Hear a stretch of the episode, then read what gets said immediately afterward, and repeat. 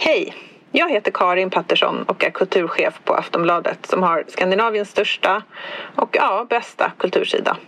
Varje vecka kommer dessutom mitt nyhetsbrev där jag skriver personligt om veckan som gick och gör ett urval ur veckans bästa texter och poddar. Både hos oss på Aftonbladet Kultur och på andra ställen.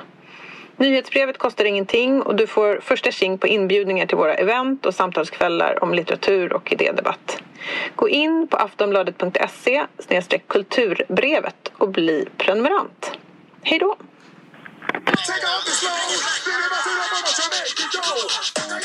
Nu börjar det. Mm.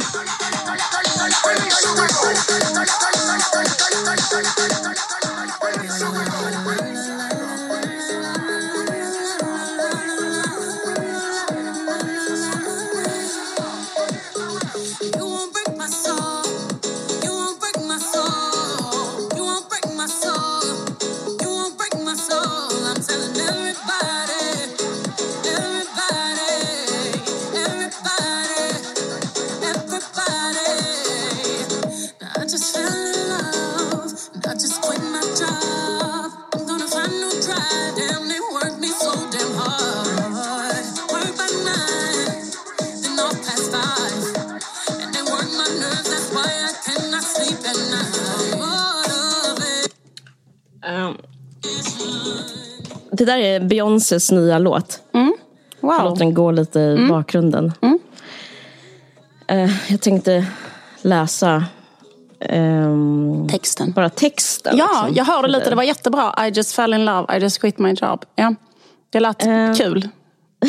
ja. ja. Eller? den börjar så här. Ja. Eh, jo, det är kul. Men det är så jävla intressant att den kommer nu tycker jag. Nu mm. läser jag. Vill du att jag ska läsa med spoken word-röst eller vanligt? Ja, med spoken word. På skånska. Now ja. I just fell in love. Nej. And I just... Nej, förlåt. Okay, förlåt. klipp bort det. skämt. Now... förlåt. Så jävla fånigt. Ja. Now I just fell in love. And I just quit my job. I'm gonna find new drive. Damn, they work me so damn hard. Work by nine, then off past five, and they work my nerves. That's why I cannot sleep at night. Mm. Uh, you won't break my soul, Nana. You won't break my soul. No, no, Nana. You won't break my soul. Um, och hör och häpna. Det är lite som Roland Paulsson-låt. Ja, det är därför jag tar upp den i vår ja. eh, sociologiska podd. Mm. Som är, eh, men jag var tvungen att ta upp den här för jag tycker det är så det intressant. intressant. Mm. Det är så jävla intressant. För att det mest och nu kommer inte jag nämna vårt förra avsnitt eller vår liksom, allt debacle och sånt där. Men bara att folk bara vet eh, vilka trender som råder nu och mm. vad som är mest inne att tycka och mm. vad som är mest ute att tycka. Mm. Inte för att det är fel eller rätt nej, men, nej. Det, är men jag bara liksom, ja. det är en trend. Man skulle kunna liksom sammanfatta jättesnabbt. Det kanske inte är så trendigt att vara, prata om systerskapet. Det kan man inte prata så mycket nej. om längre. Men man kanske pratar om arbetsförhållanden. Just det. Och gigekonomi. Just det, absolut. och eh, det jag tycker är intressant det är att Beyoncé också gör det. Mm. Eh, hon har kanske missuppfattat lite. Alltså hon har ju, det som har hänt är det här. Eh, det är en jättebra affärsmodell, vilket är liksom, därför jag tar upp det, för det är det som är det ironiska eller det cyniska. Att hon plockar upp på en gräsrotstrend, någonting som kommer underifrån och eh, som är ett, ehm, eh, ett, ett, liksom, ett reellt engagemang för den nya gigekonomin som har kommit och exploderat, särskilt under mm. pandemin. Där folk inte får förena sig, i, de får inte organisera sig, får inte ha fackföreningar, de jobbar dag och natt. Eh, det är jättefarligt. Man, liksom Tesla, Facebook, eh, det är de mest farliga företagen att jobba på, folk från Uber har dött och så vidare. och så vidare. Det finns liksom en jättestort motstånd mot den här nya ekonomin mm. som handlar om att kapitalet vill suga ut arbetarna mm. och att de ska jobba mer och inte få mer betalt. Mm. Och eh, det är oftast på provision, inga arbetstider, inga mm. arbetsplatser. Mm. Prekära villkor brukar det säga, kallas, mm. eller hur? Eller, Absolut. Mm. Och om ingen vet vad jag menar så kan jag säga ja, ett matbud eller ett Foodora-bud som jobbar dygnet runt. Eller någon som jobbar på Amazon och att typ, det börjar bli så här, den vanligaste arbetsplatsen på Globen, typ att vara på sånt Amazon-lager. Och de får inte förena, det, organisera sig fackligt för Jeff Bezos. Ja. Precis. Och då finns det är liksom en jättestor, ja. Eh, jättestor liksom våg, en kraft som har skett. Och eh, särskilt sen så under pandemin så ökar den ännu mer för att tjänsterna, liksom, man började förstå tjänst, liksom, eh, exploatering av tjänster, liksom, hur man kunde tjäna pengar på tjänster. Mm. Och sen så, och även, det är inte bara de som liksom gör tjänster hos andra, utan även så typ en varit rätt vanlig knegare blev, blev liksom också en del av gigekonomin för de liksom, arbetsgivarna förstod att de tjänade på att ta bort eh, arbetsplatser och arbets... Liksom, alltså, det blev liksom att fler och fler kunde jobba dygnet runt och få mindre mm, eh, tid till sitt liv, och, men med samma betalning.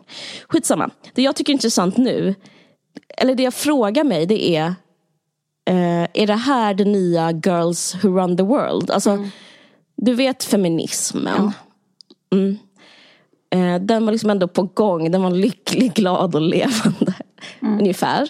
Mm. Och sen så var det som att liksom, kapitalet till slut märkte det. Mm. Och då var det liksom att H&M, jag minns att jag gick på barnavdelningen.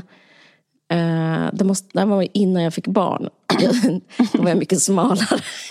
letade efter, letade efter kläder på letade efter något coolt. Ja. att ha på mig. Jag var så otroligt petit. Och eh, då minns jag att det stod eh, att det fanns t-shirts ungefär vid 2014 ungefär där det stod eh, Girls run the world. Och det är ju också hennes eh, låt tror jag. Ja, just det, precis. Men det fanns väl också ännu fånigare Acne. Ja, Acne hade, hade radical feminism. Ja, radical feminist hade Acne. Och, eh, jag tror det var kul för att jag kollade vad Acne har nu. Och vet du vad de har nu? Mm. För de har inte hoppat mm. på den här gig, anti-gig-ekonomi eller, eller liksom working class-grejen. Utan mm. de har nu att det bara står så här. Johan Sebastian Bach typ ja. Eller så, kan du tolka det åt mig? För jag såg det också, jag, jag, kunde, jag, jag fattar ingenting av det. Alltså. Eh, det stod bara så här, Schumann. Inget mer. Och Wolfgang van Beethoven. Eh, eh, ja, men, men eh, är inte det liksom... Eh, Ja, men jag menar att, är inte det, det immateriell status att ha den typen av bildning? Att ha liksom... Alltså den typen av bildning, ja. att, att lyssna på klassisk musik och kunna saker om klassisk musik. Att det liksom är väldigt... Um, att, att, att, att, att, att är ett sätt att markera status som inte är så här, jag har en dyr klocka, för det kan alla köpa, men alla kan inte veta saker om klassisk musik. Så det blir liksom så här, kanske något sätt att signalera någon slags status, fast liksom att ha köpt en t-shirt med det, jag, jag vet inte. Men, men um, strunt i det, ja, det var ett sidospår. Ja. Nej, men jag tycker det eh, det gjorde mig liksom misstänksam. För det jag, eh, anledningen till att jag, jag blev uppmärksammad på att det var flera av människor som jag följer på i sociala medier som postade den här och skrev typ så här, Åh, äntligen så eh, Bey är arbetskritisk. Mm. och eh, det var någon som skrev typ så här, ja men hon har ju varit emot, eh, det, här, det här är inte eh, det hon gjorde med feminismen. Det, det, känns som hon menar allvar den här gången. Mm -hmm. Men eh, jag och, och skitsamma vad hennes motiv är. Jag tycker de är rätt tydliga för att hon är ju en ultrakapitalist som vill sälja och göra mm. musik som eh, och hon är känd för att just liksom, hon är så anti Roland Paulsson. Alltså hon, hon eh, Alltså det är intressant att det kommer för just henne, för hon har alltid stått för så här stenhård disciplin, mm. produktivitet och mm. duktighet. Mm. mm. Tycker, ehm. precis, för hon, hon känns lite grann som mm. det här citatet som cirkulerade från Kim Kardashian där hon sa så här, mm. vad, kvinnor frågar mig vad man ska göra för att bli framgångsrik och jag säger bara work your ass off. Liksom, att att den grejen eh, känns väldigt mycket som, som, som också Beyoncé, att det är så här, work hard är hela grejen. Precis, som de, hur de motiverar eh, sin framgång, eller vad man ska säga. Ja, och jag har också förstått att de eh, har eh, haft mycket den här eh, girlboss Absolut. idén. Visst. Liksom, det, det, jag skulle säga, om det finns någon slags eh, ideologisk eller feministisk liksom, idémässig hemvist så är det så här girlboss-tankar liksom, Precis. snarare än Roland Paulsens Fack, eh, eh, exakt. Alltså arbetarna borde äga produktionsmedlen. Det är, inne, Ja, in, innebär alienation att sälja sitt arbete. Och sådär. Nej men exakt, det är ju inte det. Nej. Ja, precis. Så därför, undrar, därför tror inte jag att det är det det betyder. Jag tror inte det här är eh, jag tror inte det här är Karl Marx, Roland Paulsen och Beyoncé alltså som bildar Nej. en sån treenighet i arbetskritik eh, och liksom eh, på arbetarnas sida. Och liksom, jag tror snarare att det här är eh, att det säger något om själva trenden. För att det kanske betyder att den här trenden Alltså från att innan kanske man inte ens kunnat kalla det trend eftersom den har varit autentisk, alltså den har varit genuin. Alltså det, här, det var samma som med feminismen, det finns liksom en genuin liksom desperation och sorg egentligen över eh, arbetarklassens villkor.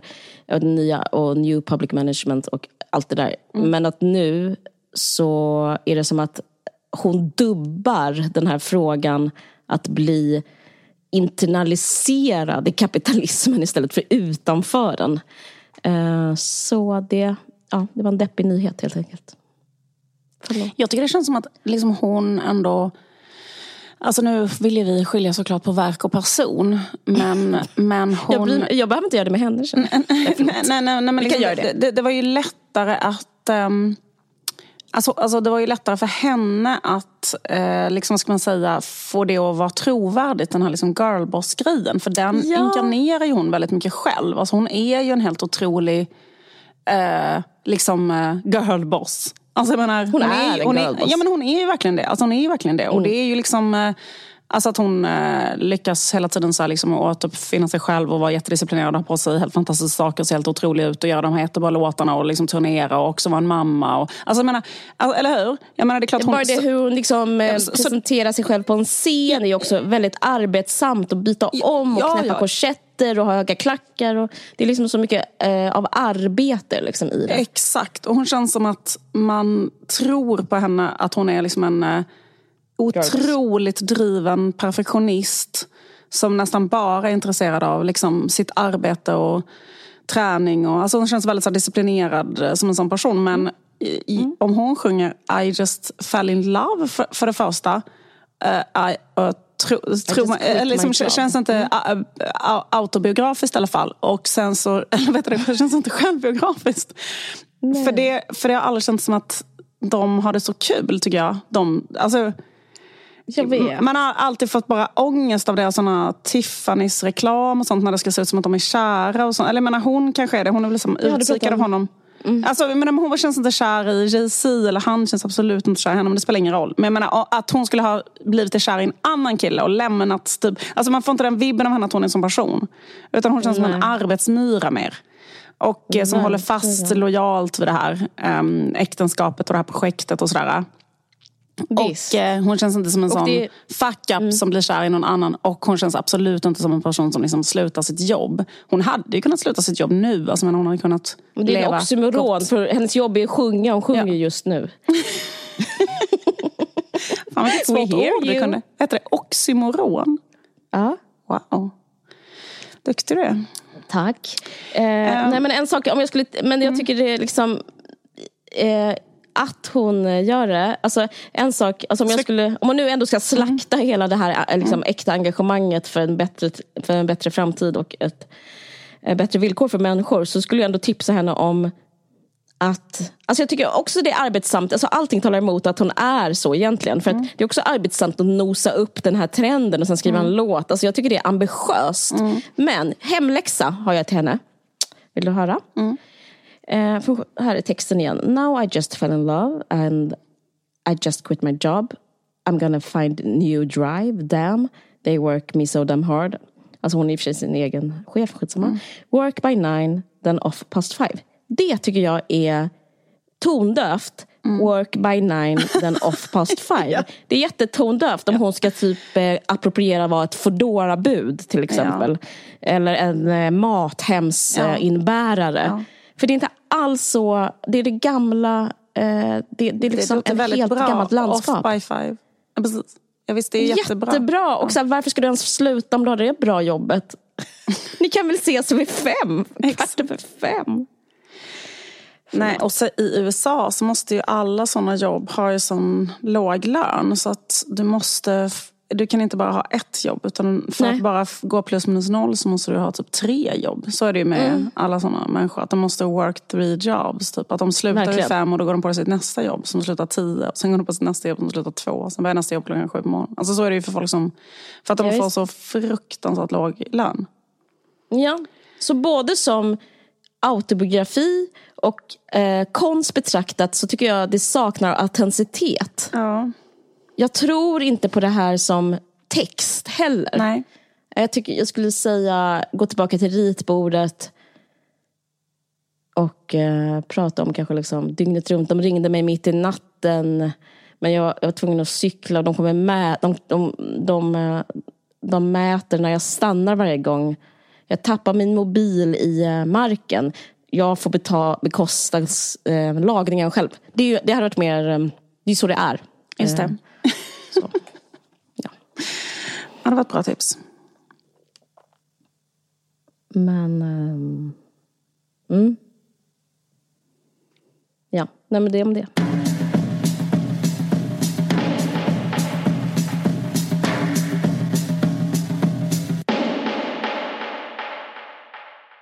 Jag har blivit eh, mom-shamed eh, för eh, andra gången i mitt liv. Du, du vet att vi, vi har ju haft ett case i den här podden som heter mom-shaming inte existerar. Ja, Vilket varför? stämmer. Exakt. Det, det är så otroligt mycket snack om att det finns en em, helt sinnessjuk atmosfär av mom-shaming där ute. Som du och jag aldrig har stött på. Jag vet. Och du har, tror jag, till och med hävdat att, men att hela grejen bara är ett påhitt. Men gör nog det. Det skulle också kunna vara på att du och jag är så otroligt bra mammor. Så att vi aldrig har blivit liksom. De som pratar väldigt mycket om momshaming, det kanske är sådana som då är ute på vintern med ett spädbarn utan mössa. Jag har ju till och med talat om att jag tycker momshaming bör existera. Ja.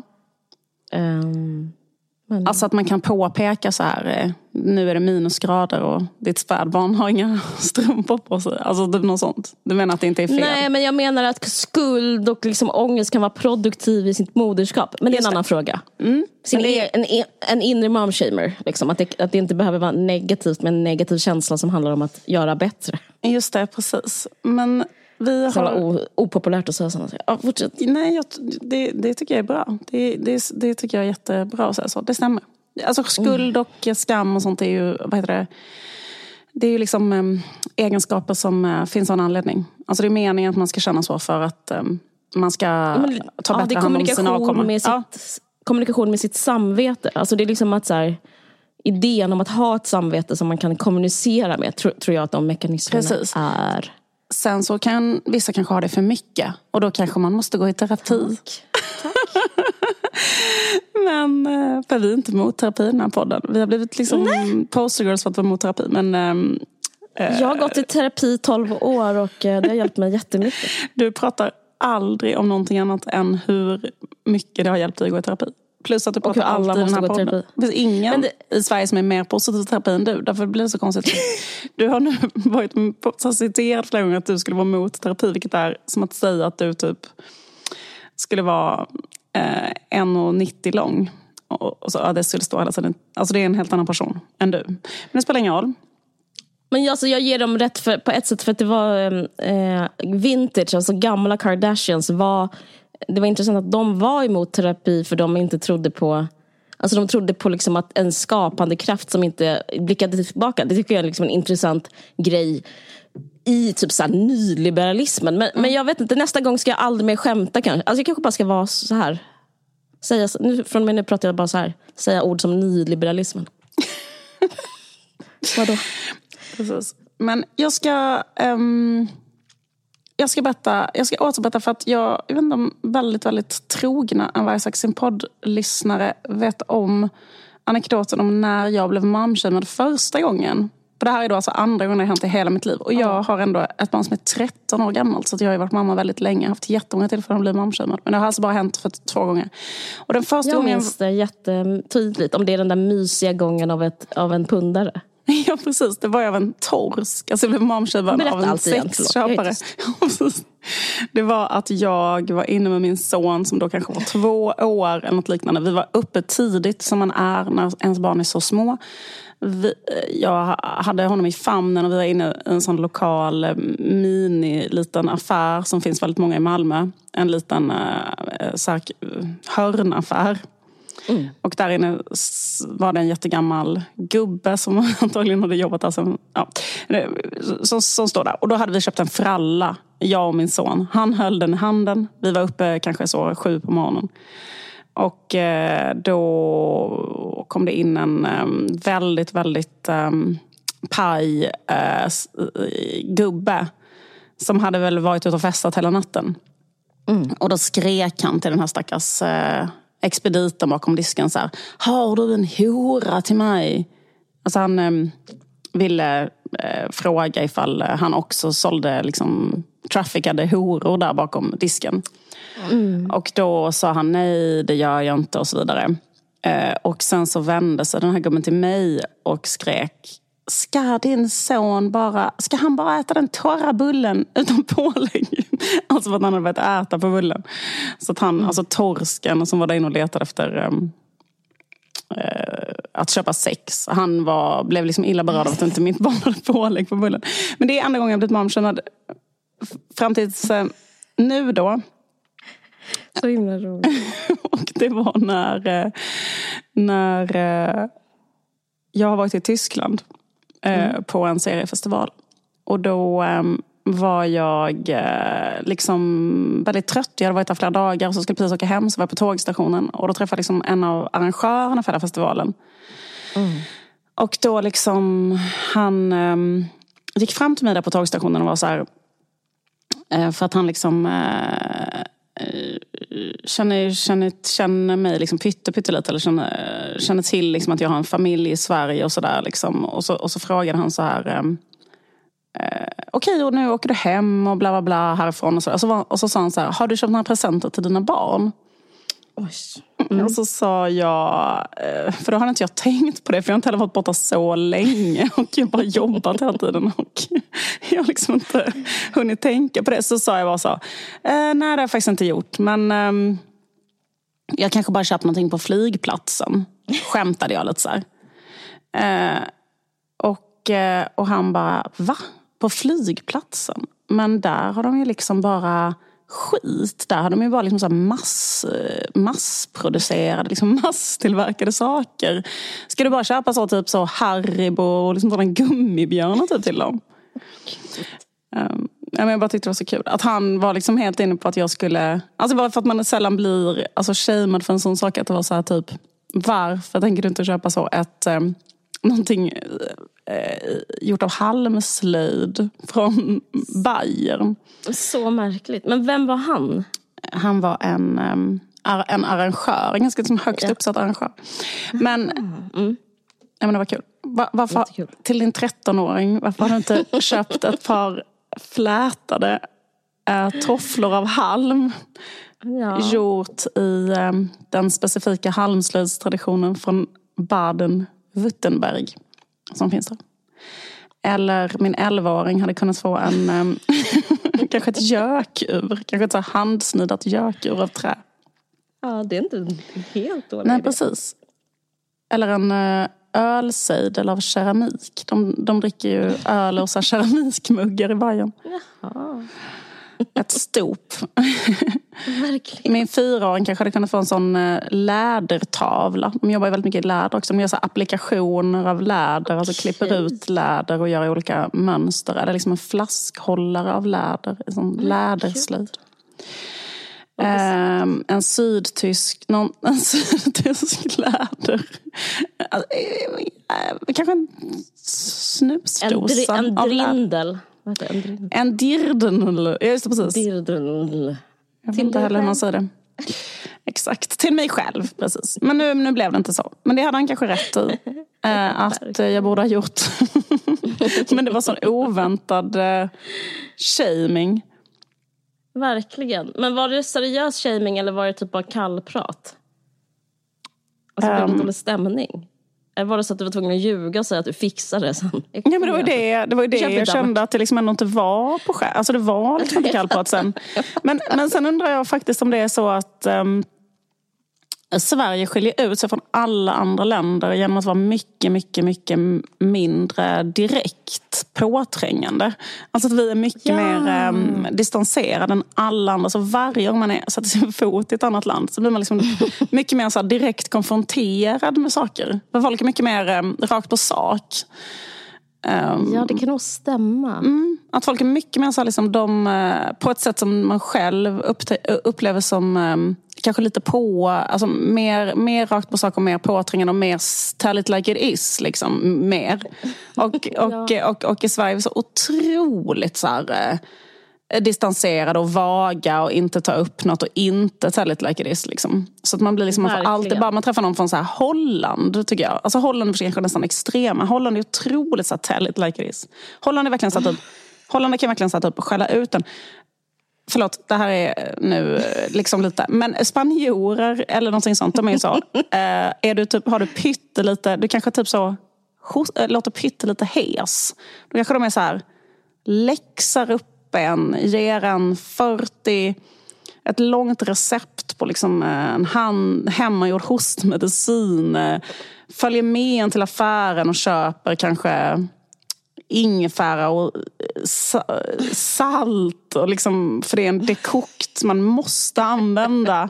För att annars är man helt jävla sinnessjuk om man inte gör den eh, kuren mot sin hals. Och typ, det är liksom så jävla... Om man bara säger, men jag, jag kan göra det här själv, jag skiter i det. Bara nej, bara jag ska.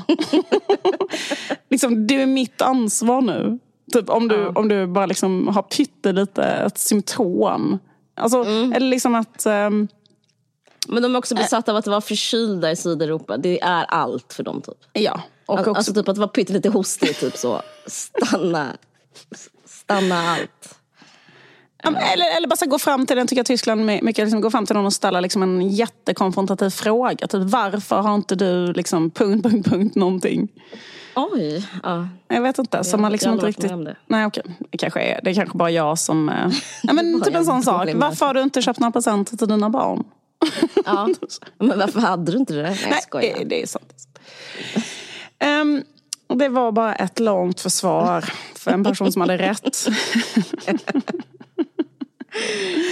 Ja. Skit i det här. Det här är... Det var kul. Det var ändå kul att höra dig. Jag fick, en, så här, jag fick en EU-känsla, en positiv EU-känsla när du pratade. Ja. Jag blev sugen på tortilla och um, uh, jag vet, Sauerkraut. sauerkraut. Nej men jag, precis absolut. Jo, jag tänkte att jag skulle... Jag jag har tänkt på olika böcker som jag skulle vilja läsa i sommar. Mm. Att eh, Det finns många böcker som jag har tänkt på att jag fan den här boken skulle jag vilja läsa.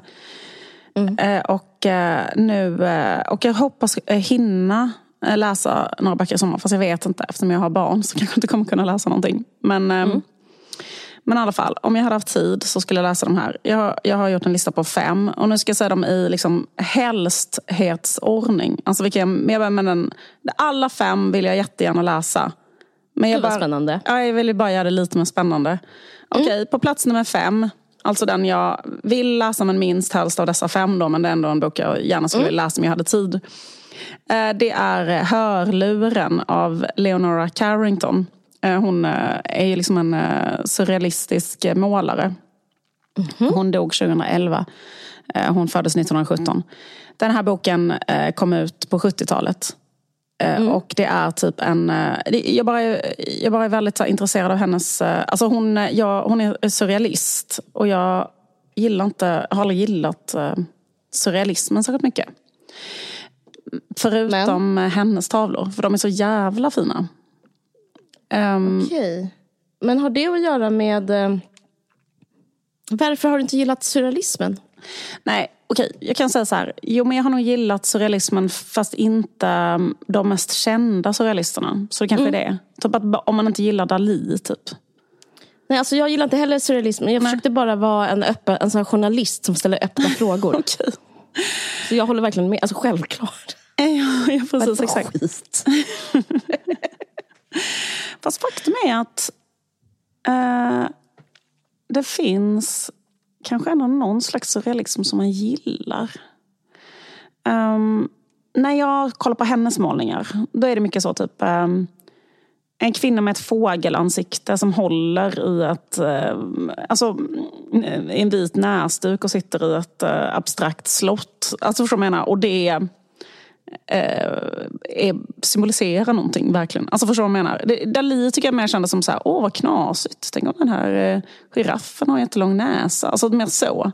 Men hennes är mer, tycker jag, mer djupt. Men till- så, åh, konstigt landskap, allt är konstigt, allt är konstigt. Men jävligt snygg röv där på den tjejen. Alltså det är aldrig så, alltså han är inte så surrealistisk. Det är ändå så, brösten sitter bra. I hans, eller? Jo, precis.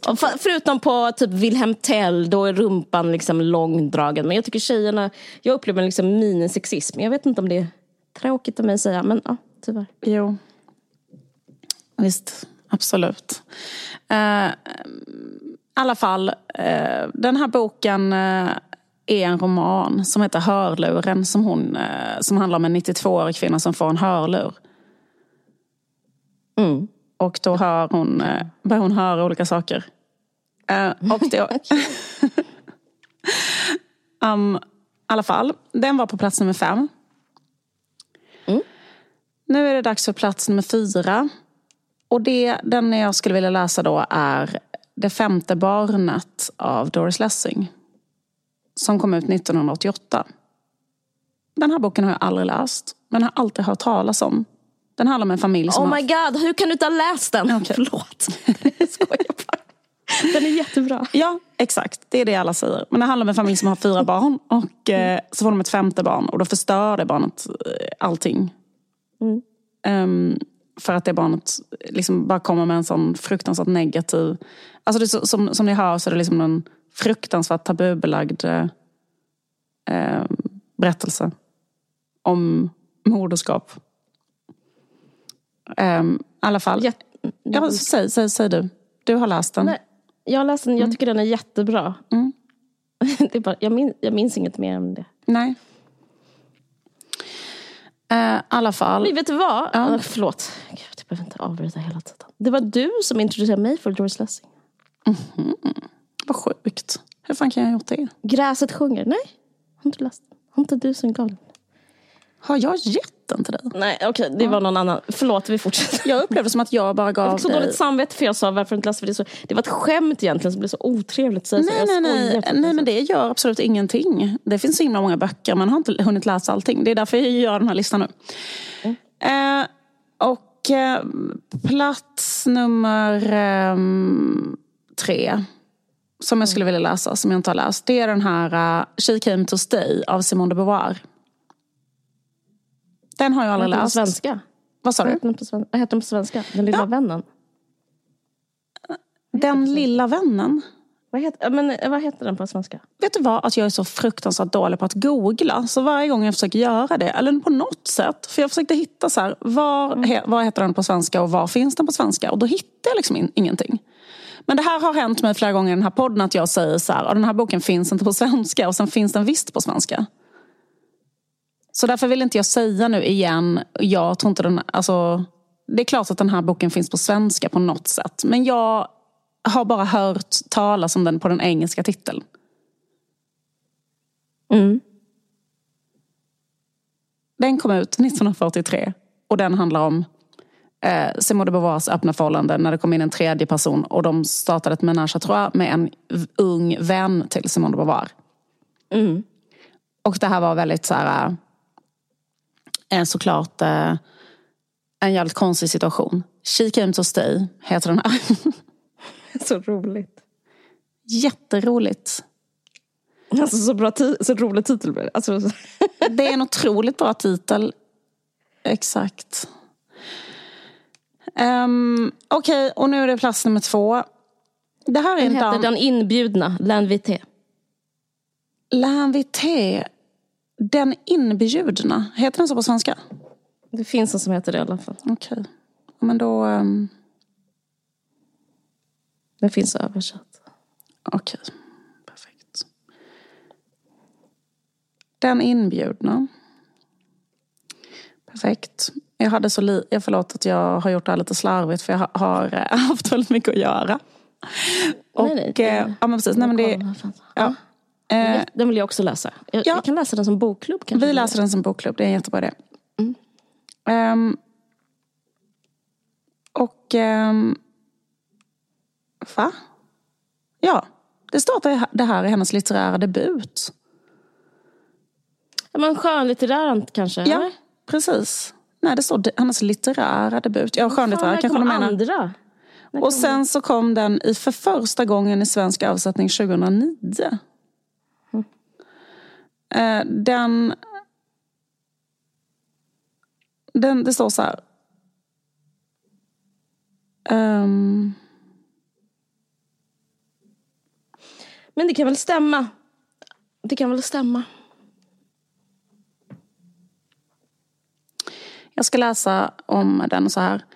François Miquel driver tillsammans med sin livskamrat den kände teatermannen Pierre Lebrousse en teaterensemble i 40-talets Paris. De delar i princip allt, livet, kärleken, hemligheterna, passionen för teatern. Deras gemensamma motto är du och jag är ett, ingen av oss går att beskriva utan den andra. Det här är ju då hon och Sartre såklart. François och Pierres förhållande bygger på fullständig frihet och respekt för den andres behov och lustar. Ingen har hittills kunnat rubba den tillit de hyser för varandra. Men en dag dyker den unga studentskan Javier upp i deras liv. Françoise har, bjudit henne till, Françoise eh, har bjudit henne till Paris för att hon ska komma ifrån den trista landsorts tillvaron i Rouen där hon har vuxit upp. Françoise undrar att, ordnar så att Javier får ett rum på samma hotell som hon själv och försöker fylla den unga kvinnans liv med mål och mening. Detta visar sig snart omöjligt. Javier är lat och nyckfull, självupptagen och nonchalant på samma gång som hon är osäker och sökande. Hon är inget mindre än en tonårsrebell som medvetet ser till att bryta sig in mellan Françoise och Pierre. Françoise finner att rollerna nu blivit ombytta. Nu är det hon själv som är den svagare partnern en individ bland andra individer än vem som helst. Hennes förhållande till Pierre sviktar i grunden och svartsjukan hotar att ta överhanden. Françoise upplever att Javier tillskansat sig makten över henne och att hon måste slå sig fri även om det får, även om det får förödande konsekvenser för bådas frihet. Mm -hmm. Fan vad spännande. Spännande. Okej, nu kommer jag till plats nummer två. Och det är att det finns en dansk författare som jag precis har liksom lärt mig om som heter Ka Karin Mikaelis, Mikaelis som liksom eh, föddes i slutet av 1800-talet. Och hon gav ut jättemånga böcker. Och år 1910 så gav hon ut en bok som heter Den farliga åldern. Och den handlar om en kvinnas... Aldrig talas Nej, aldrig talas om, eller hur? Um, och den handlar om en kvinna som precis har fyllt 40. Och då handlar det om att det är liksom en farlig ålder. uh, för att då slutar kvinnor vara liksom... Um, Eh, tillräckligt typ undergivna mot män. Ah, just det. Och då så liksom, intressant. Ja, det är jätteintressant för då liksom tröttnar man på att vara så submissive. Och då blir det liksom... Plus att hon Som kulturjournalister. Det, det, det, ja, de exakt. Det är därför de är så unga också. Nej, nej, men, nej men i alla fall. Ja. Nej, men typ att då blir det liksom så här en, en, en ålder som... Och, och då är det liksom, så handlar det om en kvinna som är gift. Men då när hon har passerat den här åldern, det handlar också om att ha jättesvårt att förstå hur man ska leva när man inte är en ung kvinna. Liksom. Plus att hon har massa sådana symptom som är typ att hon har jättemycket ångest. Hon har liksom mm. Eh, typ sådana symptom på hysteri. Typ. Alltså hon mm. bara mår skit helt enkelt. Hon mm. har liksom en livskris. För att hon har kommit in i den här åldern och hon har blivit mm. en annan person, en annan slags kvinna. Fast hon vet inte hur hon ska vara. Liksom. Och då, därför så skiljer... Det låter som min bok. Alltså ja, min bok fan vad intressant. Ja. Gud, ja, intressant. Men i alla fall, och då, då, då lämnar hon sin man. Hon skiljer mm. sig. Och hon lämnar sin älskare, för hon hade också en älskare. Eh, och hon mm. bara liksom bestämmer sig för att liksom leva helt ensam och liksom, um, typ bli gammal, helt isolerad. För hon vet inte hur hon ska vara liksom, längre i relation till andra människor. Typ, och sådär. Och mm. um, då isolerar hon sig själv på en ö. Uh, mm. Kanske i Danmark kan man tänka sig. Där finns så mycket öar. Fy. Den, den här på Fy, på Lolland. uh, nej men då, uh, då så... Um, då så, uh, men, men, men, men vad jag förstår så är den så jävla... Det tycker jag låter fiktivt, det slutet. Nej, men sen klarar hon inte det. Så direkt så försöker hon okay, ta kontakt mm. igen med folk. Och då går inte det. För att hon har liksom... Hon, är, hon har blivit en människa som inte längre går att... Alltså, hennes, eh, på grund av hur hon är, på grund av att hon är kvinna och inte är submissiv på något sätt, så kan hon inte längre vara i samhället, typ, även om hon själv vill. Alltså det är väldigt det är dark. Um, men... Um, Uh, och tydligen uh, väckte skandalen när den kom. Men när jag började höra om den tänkte jag så fan den här måste jag läsa. Den vill jag läsa med. Låter underbar. Karin Mikaelis. Karin Mikaelis. Den farliga åldern. Mm. Mm. Okej, okay. och sen plats nummer ett som jag skulle vilja läsa. Eh, det är en eh, roman av Colette. Den franska författaren mm. Colette som ja. kom ut 1920. Och den här som jag skulle vilja läsa av henne, den heter Cherie. Och det är liksom typ ett pionjärverk inom autofiktion. Det här lärde jag mig mm. också precis nu. För hon, boken handlar om en kvinna som är typ 49 år, eller 47 år eller sånt där. Och hon är ihop med en mycket, mycket yngre man. Han är typ 24. Han heter mm. Fred. Och det är han som kallas Cherie. Det är därför alltså, titeln. Och eh, den här, eh, den här liksom löst baserad på att hon själv hade liksom ett förhållande med sin eh, mans son. Alltså sin egen styvson. som hon blev ihop med honom när han var typ 17. Mm. Eh, och de var ihop i typ 6-7 år. Eh, men, ehm, men hon skrev denna liksom... Uh, I boken så har hon tagit bort det, eller vad ska man säga, men man förstår ju liksom att mycket av de här tankarna och känslorna som, som boken handlar om är baserade mm. på att hon själv hade ett sånt uh, förhållande. Men mm. uh, att Eh, den var liksom, eh, den här boken, romanen, den gick som följetong i en eh, tidning, mm. en fransk tidning. Och så kom liksom en, ett avsnitt varje vecka eller sånt där. Och den var typ engagerade folk så här jättemycket tydligen. Detta har jag bara läst om den. Men att den blev liksom så en, en vattendelare för vissa tog parti för henne och vissa tog parti för honom. Liksom. För den handlar liksom om sådana saker så här då liksom, har en kärlek med så stor åldersskillnad en chans? Kan en kvinna som har varit van vid att vara ung och vacker vänja sig vid åldrandet? Eh, hur ser styrkeförhållandet ut i en relation med så stor åldersskillnad? För det som ska hända i boken är att den här unga mannen som är hennes älskare då ska gifta sig med en annan, en ung kvinna. Och så tror de att de bara ska kunna göra slut men de kan inte det. Liksom. Och eh, ja... Eh, det, jag blev bara så jävla intresserad av det här att, att det var ett pionjärverk inom autofiktion. Så mysigt. Och det verkade eh. Colette är väldigt mycket för mig eh, Erika Jong. Alltså när jag läste Rädd att flyga ja. så refererar hon till Alltså hon har Colette, jag vet inte om du kommer ihåg det, så hon, har, hon har Colette som en slags inre liksom, en inre kompass. Ja. Hon, går, hon är så här, ja men eh, för, för, Fear of Flying handlar ju om att Erika Jong liksom bryter upp från ja. sitt liv, gör slut, hitta, liksom, försöker liksom hitta sig själv i den här världen som så här, ett subjekt. Ja. Och så, så här, men Colette, Colette skrev, Colette gjorde det här, Colette... Eh, att liksom, eh, så, så, så jag, jag försökte, lånade Colette och började läsa, men, men jag kanske läste fel bok för jag tyckte, du vet vissa böcker kommer ja. man inte in i, jag kommer inte in i, så, så, ja, Nej, spännande att höra precis, för att jag, Det jag har läst om den här boken ja. är liksom att den uh, fort, fast den är från 1910 ja. så stod det så här, den här, så här det här är då andrahandsinformation men typ att det är, så här, ja. det är fortfarande så pass psykologiskt trovärdigt och intressant det här spelet mellan ja. det här paret. Um, och att det handlar om uh, Ja men exakt, för Colette, exakt, hon är känd för att hon var så här, liksom, levde liksom på den glada, fria, bohemiska perioden mm. i Paris där alla var så här, um, bisexuella och uh, mimare och uh, hade liksom håret på ända och eh, blev ihop med sin mans eh, styv, eh, med sin egen styvson och så vidare. Att det var den vi- viben runt Colette, Mm. självklart. Men, ehm, eh, men, ja, men precis, men den här boken ska också på något sätt beröra eller inte, jag Den ska var vara intressant. lätt läst menar du? Alltså den ska vara mer kanske lättare än de, den boken som jag råkade... Ja, det, det, Alltså- det, jag vet inte, men sen så tror jag så, det kanske, kanske också, ibland handlar det sånt bara om att så här, man måste vara En viss- på en plats där ämnet på Ja, sätt intresserar en. Alltså jag är såklart, jag blev så intresserad av den här just för att det handlar om typ att ehm, men så här, vad är en kvinna i... Så intressant. Ja, exakt. Ja.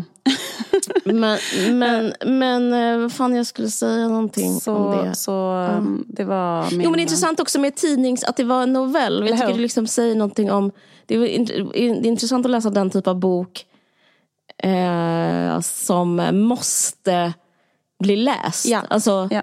eh, noveller i tidningen, liksom, de var ju så här det, det, det, man, kan, man kan inte vara från, bortvänd från läsaren, tänker Nej, jag. För att man nej. ska liksom, det finns ett tilltal som är direkt Verkligen. Det var ju så här när... Det är ju typiskt Charles för... Dickens. Jo, Charles Mm, Dickens jo, är väl ett stort exempel på det. Men typ att hans Ja. böcker... För jag läste alla de, alla de där böckerna när jag gick på högstadiet.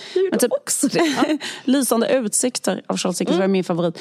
Eh, Och, eh, men, för, ja, precis, men de, de, exakt, för de har eh, eh, ju det där drivet att så här, nästa Ja. vecka, det måste vara liksom en engagerande historia. Så eh, det finns väl... Jag menar eh, att det talar för. det talar för, det talar Mm. för, exakt. Ehm, ja, precis. Det här var ehm, bara några böcker som jag har av olika anledningar eh, typ kommit, eh, fått höra talas om eller kommit över på olika sätt. De senaste som jag har tänkt så här, fan när jag har tid så ska jag läsa det här. Tack. Varsågod.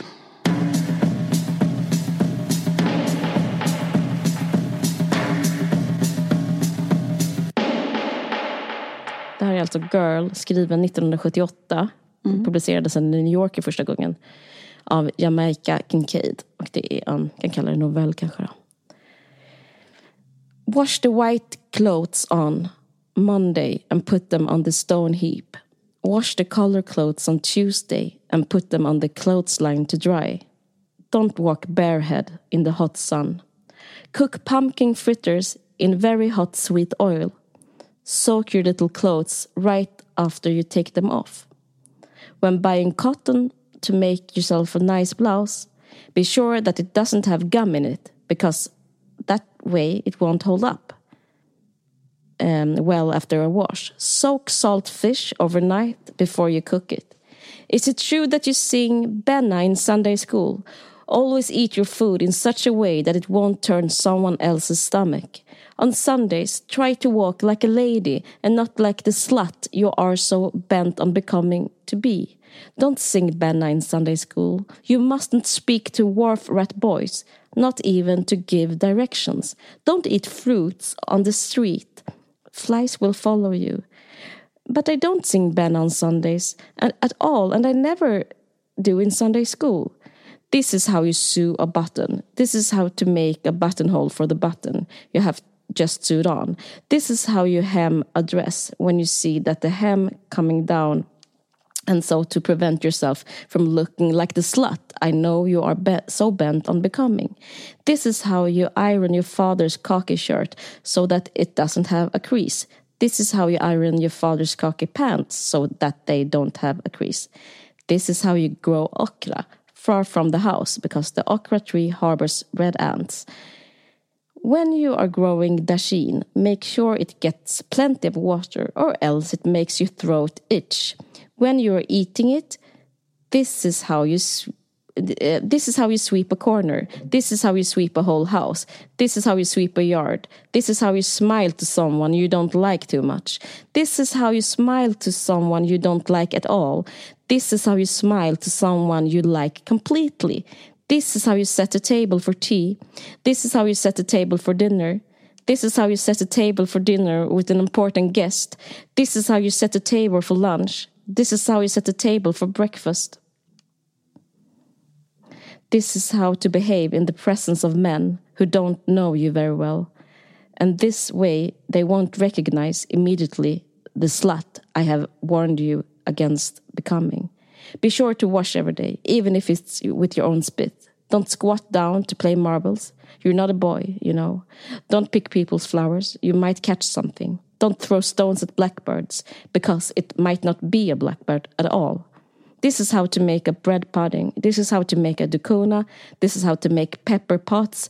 This is how to make good medicine for a cold. This is how to make good medicine to throw away a child before it even becomes a child. This is how to catch a fish. This is how to throw back a fish you don't like, and that way something bad won't fall on you. This is how to bully a man. This is how a man bullies you. This is how to love a man, and if it doesn't work, there are other ways. And if they don't work, don't feel too bad about giving up. This is how to spit up in the air if you like it, and this is how to move so quick that it doesn't fall on you. This is how to make ends meet. Always squeeze bread to make sure it's fresh. But what if the baker won't let me feel the bread?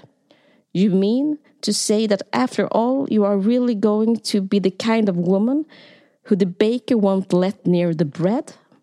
Slut. Wow. Quite a text, va? Verkligen. Tänk oss, eh, jag vet inte om det, om, man, om, det, om det var samma sak som att läsa den som att höra den, men liksom, jag tycker man ser typ ett helt liv framför sig. Verkligen. Jag ska läsa Lucy i sommar. Verkligen.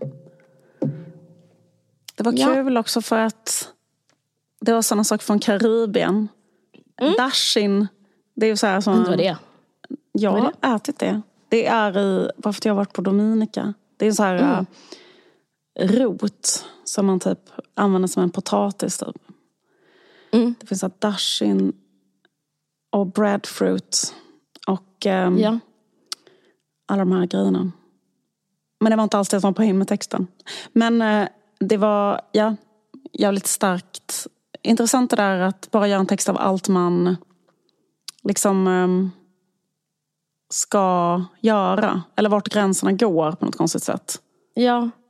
Men jag tycker, jag, jag, det är så starkt också att det handlar liksom om en mor-dotter-relation. Ja, ja. Att det bara liksom är så här, Vad en mamma säger till barnet. ja, vad en mamma säger till sin flicka. Den Ja. heter Girl också. Jag bara, Just det. Jag, det är liksom... Eh, och otroligt gestaltande utan att berätta, alltså liksom vara berättande. Alltså det är vä- väldigt... Eh, ja, jag är väldigt im- imponerad. Men jag undrar liksom vad en liksom, mamma säger till en flicka idag, typ i Sverige. Just alltså det. typ så här, undrar vad, vad det skulle vara liksom idag. Alltså typ så här, undrar vad de sakerna undrar vad de sakerna är nu. Alltså, Mm. så är det mer då liksom ehm, typ så här Du måste vara dig själv. Du måste följa dina egna drömmar. Du måste vara, är det sådana saker? Eller är det liksom... du måste... typ... eh, Men jag tycker att det handlar inte bara om det. Det handlar liksom också om så att, vara, att man är typ en un, ett undergiven, vad ska man kalla det? Ett undergivet objekt i en Mm. värld som man hela tiden måste parera. Det är kanske därför jag blir så berörd av det. Mm. Det är liksom som att det finns alltid människor som man måste förhålla sig till som Ja. Mm. kan bestämma över en och som man måste liksom eh, Det är liksom ingen maktperson perspektiv. Eh, liksom nej, nej, nej. Precis, verkligen. utan, utan mer så här, hur ska man le mot någon Som man måste- gillar. Ja. som man inte gillar? För att det måste man ju göra. typ. Det kommer komma. Det är, så livet är. Eh, Verkligen. nej, ja, men det vore intressant att höra någon från idag. Men jag tror, jag tror liksom... Samtidigt, ja. Eh, det kommer ju med väldigt mycket liksom, ska man säga, klasskritik i det. Utan bara liksom i det här. Det där är precis vad, vad en chef säger till en um, gigjobbare idag. Typ. Ja, ja, ja. Alltså exakt vad man ska göra, var man ska lägga olika saker. Hur man ska le mot en kund som man inte gillar. Just det. Ja, men det är kanske lite som White Lotus. De, där har de rätt snacket i början. Ja, just det. mot- eh, det påminner pyttelite om det. Just det. Gud vad jag saknar vad mysigt det var när man kunde titta på White Lotus och man inte hade tittat klart. Verkligen. Jag Det ska komma en all- ny säsong. Är Jag det sant? För jag tittar ju aldrig någonting på tv eller tv-serier. Det, heller. det, det, Jag har slutat. Ja. Det är ut. är, det, är det ute? Jag, jag vet inte. Nej. Jag bara är helt ointresserad. Jag känner att det är ett sätt att liksom fördumma folket. Eh, det är någonting med de här betaltjänsterna plus de här liksom timmarna som läggs. Mm. Som, jag tycker, som jag känner att det är liksom motsatsen till subversivt. Jag vet inte. Alltså det är liksom bara det att det tar så otroligt mycket tid i anspråk. Ja. Och sen så Ja. är det lite så det att man blir så här insugen och lurad av en dramaturgi som sen ändå, som typ Visst. lovar eh, eh, runt och håller tunt. Typ att det ska så här, ja nu ska det hända något så jävla spännande som man bygger upp för. Och sen så, så händer det liksom ändå inte något särskilt spännande. Utan typ, det är liksom Nej. så tricks för att man vet att det är så tricks för att så här, fånga intresse och bygga upp och sådär. För att folk ska fortsätta kolla man ska, allt ska vara spännande man ska vilja följa karaktären och sådär. Men sen så blir det liksom ändå ingenting. Alltså typ så. Nej, det vid... jag får så här opium för folket-känsla. Alltså det har blivit... ehm, eh, det, det, det, det är någonting med det. Uh, nej men visst.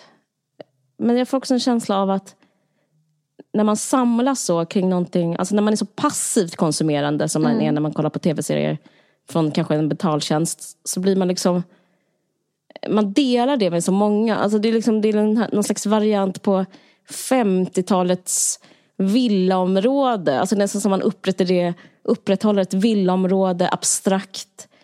I liksom en abstrakt värld så, så har man ett villaområde med typ alla i Sverige för alla sitter och tittar på vad heter de olika serierna man tittar på? Men alla sitter och tittar på exakt samma serie. Kanske Stranger Things. Ja, och så har man upprätthållit ett, liksom ett rutsystem där man ingår och är en duktig eh, passiv medborgare på något sätt. Som Mm. får, jag får liksom en domedagskänsla kring tv-seriens roll då. Just det. Eh, så jag kan inte göra det. Men jag eh, skriver på två. Haha. ja.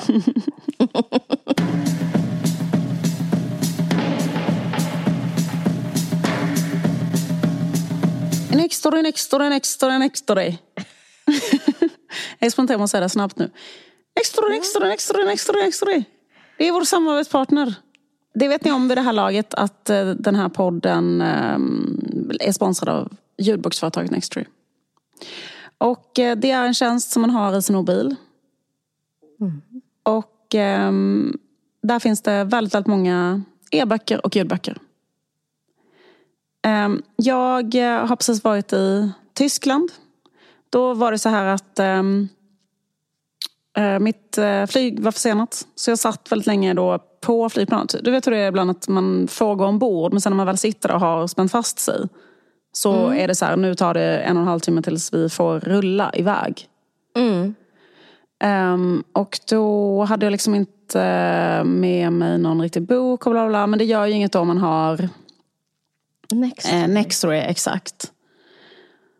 Och då tänkte jag så här, vad ska jag läsa? Och då kom jag på, det här kommer du, du kommer aldrig kunna gissa vad jag började läsa då. Eh, Andreas Cervenkas nya bok. Nej, jag vet inte. Nej, jag började läsa eh, därför att jag hörde några prata om den här boken i en podd. Nämligen Sigge Eklunds andra bok. Som heter Den sista myten. Har du läst den eller hört talas om den? För jag hade liksom, Nej. nej. Den kom ut 2002. Ja, mysigt. Det är liksom innan eh, det är 1988 och det har precis börjat snöa. Som var kanske hans liksom, genombrott kan man säga. 1985 kanske då. Ska jag. Förlåt. Ja, vad kul. Ja, det var faktiskt kul att läsa den. Eh, Den heter Den sista myten. Men det är ganska kul just det där att man bara kan få en tanke. så här, Okej, men jag undrar hur den här boken är. Och sen bara klicka och sen är den ett klick bort. Då kunde jag läsa... Jag har läst då halva Den sista myten som jag då läst och läste på det stillastående flygplanet. Men det var ganska kul. För att han var ju så himla ung när han började skriva här otroligt ambitiösa romaner. Ja. Och det är kanske bara då man liksom kan ha... För den här boken också är liksom så himla ambitiös. Alltså att intressant. den, den vill liksom förklara typ så här, var alla, eller förklara eller i alla fall diskutera sådana här slags frågor. Var alla mänskliga känslor kommer ifrån. Typ var, varför alla känslor finns. Och eh, hur de hänger ihop med berättande och narrativ. Och, och eh, Alltså typ så här, hur Darwin, alltså att känslor finns på grund av evolutionen och koppla ihop det med Jung och liksom Jungs arketyper och sen koppla ihop det med berättande. Typ så här, eh, så det handlar liksom om en författare. Gud vad, vad intressant, men det där Ja. låter som väldigt mycket typ som Sigge Alltså, han har ju odlat den, eh, alltså det låter som hans fält skulle jag Ja, ja, säga. Alltså, men det är väl hans det. grej. Ja, men det, eh, men det här är väldigt liksom ursprungs... Urpoddpratan, typ. Exakt, exakt, exakt. Det är Ja, urpoddpratan. Det är jätteintressant. Ja, intressant. Därför att det är ju egentligen det enda han är intresserad av. Eller liksom det han pratar om hela tiden är ju det här berättande. Mm. Eller, eller dels att berätta, att han berättar någonting själv. Mm. Och sen handlar det liksom om berättandet som eh, sak. Liksom. Eller som att människor liksom behöver eller, eller vill eh, höra en berättelse. Och sen är det så här, vad i en berättelse... Det är såklart något man är intresserad av som författare. Såklart. Det är så här, vad är det som gör att en berättelse, att man bryr sig. så. Och, eh, och då i den här boken så diskuteras det mot bakgrund av teorier kring liksom hur, fast på ett skönlitterärt sätt. Då. Men det var ganska intressant för mig därför att jag läste ju en em, kort kurs på universitetet för typ två år sedan, alltså bara så sju poäng eller något liknande som, handlar, som heter Känslornas idéhistoria. Eh, Och där handlar det om, om exakt de här grejerna, typ så här Varifrån kommer alla mänskliga känslor? För det finns jättemycket teorier om det. Så här, man har trott olika liksom, i massa olika epoker. Men så här, eh, alltså typ har, är det så att alla känslor finns medfödda och det finns liksom en evolutionär poäng med alla känslor? Ehm, eller är känslor en social konstruktion, alltså kulturellt för olika samhällen? Eh, och eh, och liksom den, den här romanen, Den sista myten, den eh, utspelar sig, eller det handlar om en, eh, det är väl liksom i nutid men, men den rör sig mycket på typ 60-talet.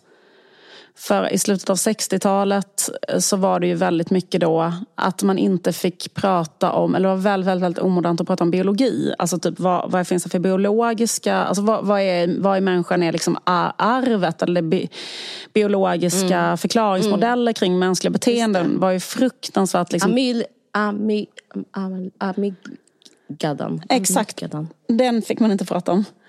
Nej men typ att um, kanske också att man förnekade, alltså, eller, så, så, så det här handlar om en Men jag fattar. Det Ja, handlar om, det en, låter- om, en, om en filmskapare på 60-talet som vill eh, prata om eh, liksom evolutionens roll i vad Mm. vi känner och använda det för sitt filmskapande. Och de här arketyperna, liksom varför man eh, typ, eh, känner sig trygg av eh, saker som signalera moderskap eller alltså, du vet, där, där du pratade om innan med skuld, att skuld är liksom en, typ en evolutionär eh, liksom det, det finns ju en överlevnadsmekanism i att känna skuld för sina barn till exempel. För människor som inte kände dåligt samvete för sina barn, de dog ju ut för de barnen dog väl. Alltså förstår du vad jag menar? Alltså, för att, eller, de dog väl kanske i högre utsträckning än de andra barnen.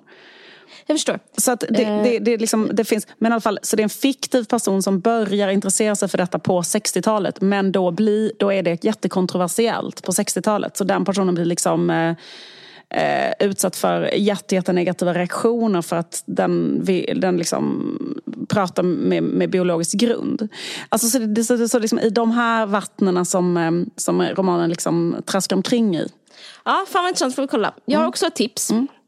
Som är av en eh, vän till mig. Mm. Men eh, hon heter Ada Wester. Mm-hmm. Hon har kommit med en debutroman som heter Drömmar till salu. Okej. Och eh, det är så spännande för att hon eh, har skrivit den här, jag har träffat henne några gånger under tiden. Och hon, hon är sån här, hon berättar liksom om hela processen som underbar, att hon känner sig jättenöjd med boken och att allting bara är så härligt. Och då frågar jag, men vad är det? det blir, jag blev så förvånad över den typ av författare. Eh, så jag bara, men du, vadå, har du skrivit en feelgood? frågar jag Ja. eh, på en middag jag var på. Ja! Hundra procent. Okej. Det är en feelgood roman. Det handlar om en kvinna som flyttar in i ett torp och upplever eh, historiens vingslag och fullt av fina 50-talsmöbler och det finns massa loppisar på bygden. Annie startar ett Instagramkonto och det heter då Drömmar till salu. Hon börjar sälja retromöbler. Hon visar upp sitt underbara liv på landet. Det är underbart, men det är också lite ensamt. Men du, mm. då dyker en kille upp. Wow! Ja, det står så här på Nextrys hemsida. Drömmar till salu är en roman om kärlek till ett hus, gamla ting, eh, till den man alltid har älskat och aldrig kommer att glömma. Det handlar också om hennes mormor. Det är berätt en berättelse om två unga kvinnor i två olika tider som söker sin väg i livet och kommer till samma plats, ett hem. Och den finns både som ljudbok och e-bok. Och eh, jag ska läsa den. Ada Wester heter hon som har gjort den. Wow, mm. vilket bra um, tips. Ja. Det låter som uh, äkta mys. Det låter som en riktigt god sommar Verkligen. bok tycker jag. Mm. Verkligen. Mm. Och det finns i alla fall på Nextory att läsa eller att lyssna. Och har vi något erbjudande till våra Visst har vi det. Erbjudandet ja. finns på nextory.se varg45 och det gäller mm. för nya Nextory-kunder. Mm. Um, så... Um, och då får man 45 dagar helt gratis och då hinner man väl med båda de här böckerna skulle jag säga. Absolut, det gör man. Ska man botanisera fritt. Och mycket mm. mer. Mm. Tack så hemskt mycket Nextory för att ni gör den här podden möjlig. Tack för det. Då är det väl dags för oss att önska glad midsommar. Ja, glad midsommar. Vad kul. Mm. Don't drink and drive. Don't drink it all. Don't drink it all. Är det så? Ska man inte dricka alls? Är det det som är det bästa? Jag tänker typ att det är, man kanske kan dricka kanske dagen efter istället. Det är någonting med mörkt med, med, med eller, fast det kanske bara jag som eh, har för vild fantasi. Jag, jag tycker det är så hemskt om man ser typ ett barns väntande ögon och så sitter en, en, en förälder och typ fyllnar till. Men jag är bara känslig, jag vet inte. Det kanske är bara jag. Okej. Okay. Ja, jag... jag var ähm, precis. Glömde det. Ja. Tack. Eh, jo, vi har sommaruppehåll. Vi måste säga det, gud.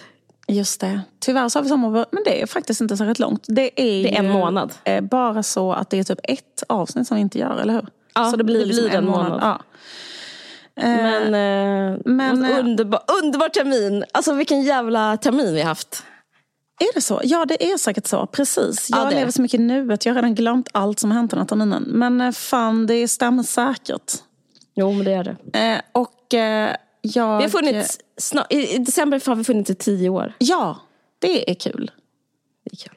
Eh, okay. Men tack för att ni är med oss. Får okay, och ha en supertrevlig sommar. Tack så jättemycket för att ni lyssnar. Och tack för era gulliga ja. mejl och, och brev och sånt. Och jätte, eh, vi blir, jag blir jätteglad för det. Även om jag ibland inte hinner svara på det. Men eh, det betyder mycket att ni lyssnar. Ja, ha det så verkligen. Ja, tack så mycket. Hej. Hej då.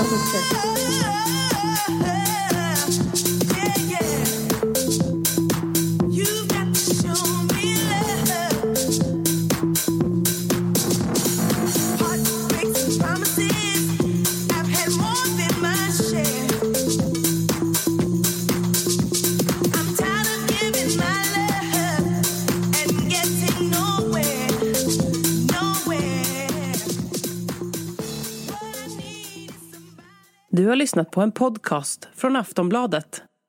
Ansvarig utgivare är Lena K Samuelsson.